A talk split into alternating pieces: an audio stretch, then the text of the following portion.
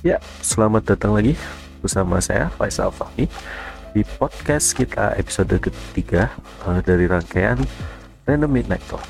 Ya, ini baru episode ketiga. Nah, ini juga yang akan kita bahas hari ini. Uh, kenapa kok selama ini kita hanya baru jalan tiga episode dan ini adalah hal yang menarik uh, buat saya. Langsung aja kita mulai ke pembahasannya. Jadi, uh, tanpa panjang lebar, uh, ini ada satu hal yang menarik yang saya resapi selama beberapa minggu terakhir ini. Jadi uh, kalau teman-teman lihat sebentar saya sambil buka RRS saya sama bagian analytics dari podcast saya.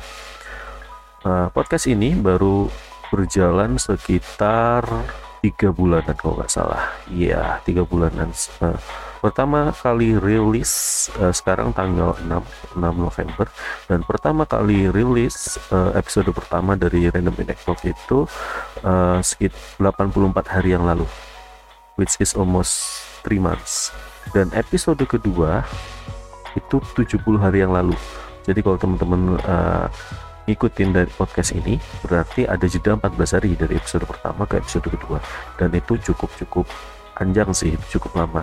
Dan menariknya after 70 days I just record the third episode. Dan saya baru mulai merekam episode ketiga malam ini. Ada di sini yang menariknya. Sebagai podcast baru uh, otomatis traffic yang masuk nggak begitu tinggi apalagi masih baru dan saya bukan influencer dan saya memulai everything from scratch. Uh, serta saya nggak punya media sosial untuk promote. Jadi uh, for information saya nggak punya Instagram. Saya uh, waktu itu nggak punya Twitter. Jadi uh, saya udah nggak bermain Instagram sekitar empat tahun. Terus saya tidak punya TikTok. Jadi saya hanya aktif di LinkedIn dan juga WhatsApp. Saya aja baru punya Twitter sekitar tiga bulanan yang lalu atau dua bulanan yang lalu dan itu pun saya batasi hanya mengikuti dan diikuti oleh teman-teman uh, zaman kuliah saya. Bahkan teman kantor aja nggak uh, ada yang follow. Dan saya tidak mau follow teman kantor saya. Jadi uh, begitu paranoianya saya dengan sosial media saya membatasi diri saya dengan sosial media. Dan itu yang menarik karena dulu saya aktif sekali bermain sosial media sementara beberapa tahun terakhir ini saya sedikit paranoia dengan sosial media lalu apa yang saya harap dengan uh, keparanoiaan saya uh, sikap paranoid saya terhadap sosial media dan juga saya bukan siapa-siapa apa yang saya harap dari podcast ini. Jadi saya nggak berharap banyak sih kalau misalnya trafficnya akan tinggi dari podcast ini. Nah, tapi bukan itu poin yang kepingin saya bahas malam hari ini. Salah satu poin yang kepingin saya bahas malam ini itu lebih ke arah konten kreator sendiri. Nah, mungkin kalau teman-teman tadi perhatikan uh, data yang saya kasih tahu bahwa episode kedua pun 70 hari yang lalu, dua bulan lebih dan episode pertama 84 hari yang lalu.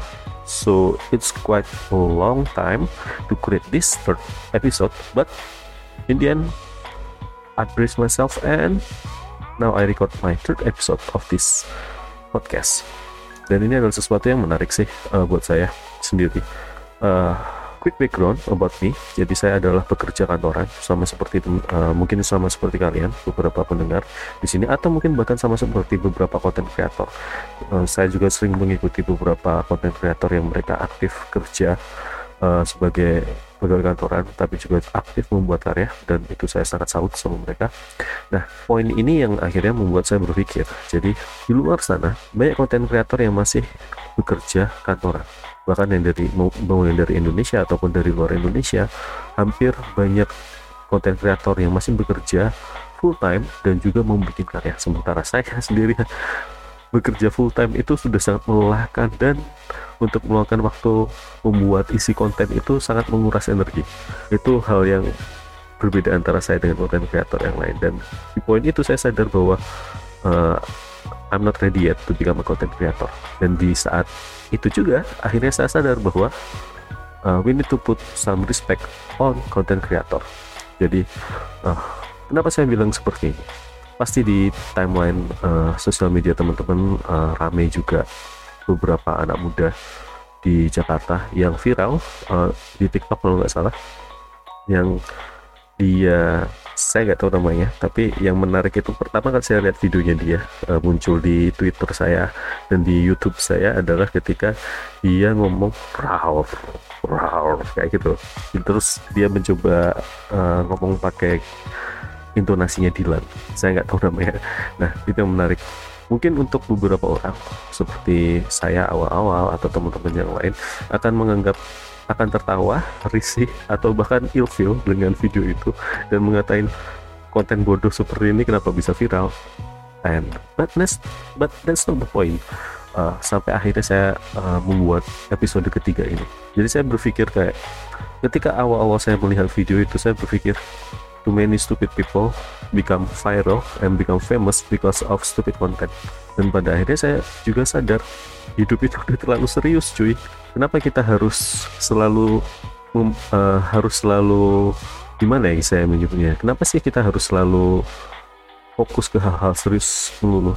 Kenapa sih nggak seberapa detik aja kita nonton video-video nggak jelas seperti itu dan ketawa? Itu juga konten untuk entertainment kan akhirnya nah poin itu sendiri poin di mana saya menganggap beberapa konten-konten yang dulunya saya anggap bodoh itu sebagai hal-hal yang entertaining itu nggak muncul begitu aja. Jadi selama ya let's say anggap aja terakhir saya bikin konten 70 hari yang lalu jadi selama 70 hari yang lalu itu saya men, uh, dalam perjalanan pencarian diri terkait bagaimana menanggapi dan juga meresapi konten-konten yang beredar di internet sekarang ini dan bahkan mungkin bukan cuma saya yang beranggapan banyak konten bodoh di luar sana tapi juga teman-teman uh, merasa seperti itu. Dan kita nggak bisa uh, kita nggak bisa memaksakan semua orang untuk membuat konten-konten yang baik pada akhirnya atau konten-konten yang pintar pada akhirnya atau konten-konten yang serius pada akhirnya. Pada akhirnya ini internet ini dia tuh seperti bola salju cuy. Yang makin kecil menggelinding akhirnya tiba-tiba makin besar Dulu internet hanya dinikmati oleh beberapa kalangan saja. Sekarang cuy, semua orang bisa menikmati internet. Semua orang dari lapisan apa pun. Dan menariknya internet itu adalah kamu bisa mencari apa yang kamu mau. Itu yang menarik. Ketika kalian cuma fokus ke hal yang serius, no problem. Kalian bisa cari konten-konten yang menurut kalian sesuai dengan kalian. Ketika kalian kepingin entertaining, hanya kepingin tertawa dan melihat konten-konten yang seperti tadi itu ya silahkan no problem. But you need to put respect on the content creator. Itu yang penting. Kenapa saya bilang seperti ini? Jadi dua atau tiga hari yang lalu ada salah satu teman kuliah saya uh, yang meretweet sebuah video behind the scene dari si bocah ini yang tadi viral gara-gara raur. Kamu tanya dan sebagainya dan juga uh, kayak rambut cepmeknya dia yang cepak mekarnya itu nggak salah uh, ini yang menariknya di sini. Dia live TikTok di sebuah gang kecil di ibu kota di tengah hujan dengan celana pendek. Ya mau nggak mau kan celana pendek nggak kelihatan ya kalau kameranya menghadap ke setengah badan. Itu yang menarik. Dan dia tetap live IG sorry bukan IG live TikTok. Dan yang menarik yang nggak semua orang tahu kalau setting live TikToknya dia itu adalah di sebuah gang kecil. While it's raining outside itu di luar loh outdoor loh bukan di indoor. Dia nggak punya fancy studio seperti youtuber-youtuber lain atau tiktoker lain. Dia di pinggir gang. Dia mencoba berjualan barang dia mencoba mengais rezeki dari konten. Terlepas kontennya mau kita katain konten bodoh konten konten uh, receh ataupun apalah itu but we need to put respect on him. He try his best to survive. Dia mungkin nggak punya privilege pendidikan yang tinggi atau mungkin privilege uh, ke keuangan yang baik dari keluarganya but he try to survive. And we need to put respect on him. Habis habis saya melihat video itu saya benar-benar yang kayak wow shit. He's really a hard worker dia bisa dengan konsisten membuat konten-konten di TikToknya dia dia bisa uh, akhirnya di posisi di mana dia viral meskipun akhirnya banyak meme yang ya sedikit tidak mengenakan untuk dia but he is really really hard worker and I envy him. Sementara saya di sini yang punya pendidikan yang mungkin lebih baik dibandingkan dia punya kemampuan finansial yang mungkin lebih baik dari dia punya pekerjaan yang tetap dan selalu mengeluh di setiap akhir pekan kalau shit I cannot record my third episode. I don't have any time. I don't have any energy. Well aku saya cuma rebah-rebahan aja di kasur selama weekend menonton anime. See? That's the difference between me and him. So I put a lot of respect to him. A lot lot of respect. And dan akhirnya saya little bit shame with myself. Ya, ya bagaimanapun juga saya nggak sepinter dia.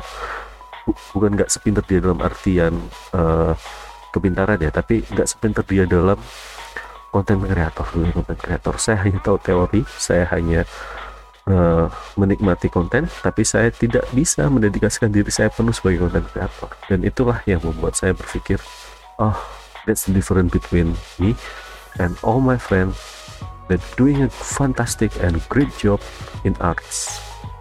Kalau teman-teman tahu sendiri, uh, kalau teman-teman sudah mengikuti saya atau bahkan mungkin kenal saya, dari dulu saya selalu kepingin menjadi seorang penulis ataupun pem, sutradara teater atau sutradara film, but none of them uh, become a reality.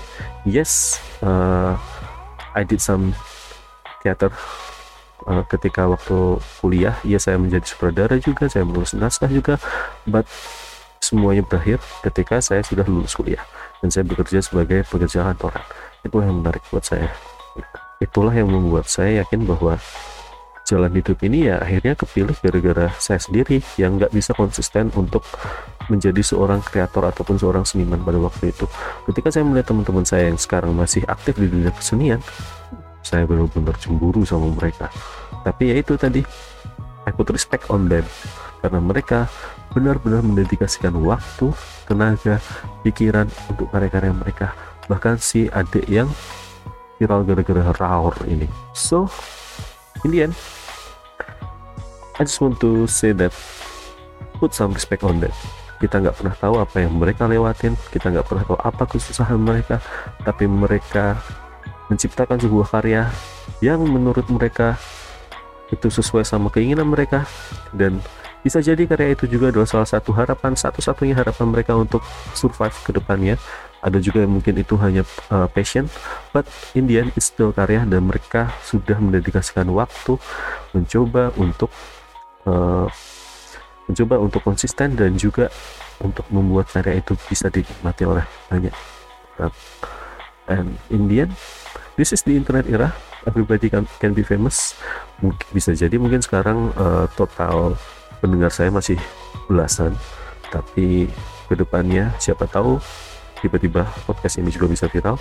Uh, tapi kalau misalnya nggak bisa viral ya nggak apa-apa. Ini kita anggap aja sebagai jurnal pribadi saya. Siapa tahu kan bisa saya kasih dengar ke anak cucu saya ke depannya untuk pembelajarannya mereka. So I think that's all from me. See you on the next episode of the Atomic Podcast especially in this random midnight talk. Uh, jadi saya juga kepikiran kepingin bikin sesi lain selain random method tapi mungkin uh, saya perlu merencanakan lebih baik lagi dan saya harus belajar konsisten seperti itu untuk konten kreator yang lain. That's all. Thank you for always listening to me. See you and goodbye. Hope Liverpool win tonight. Bye bye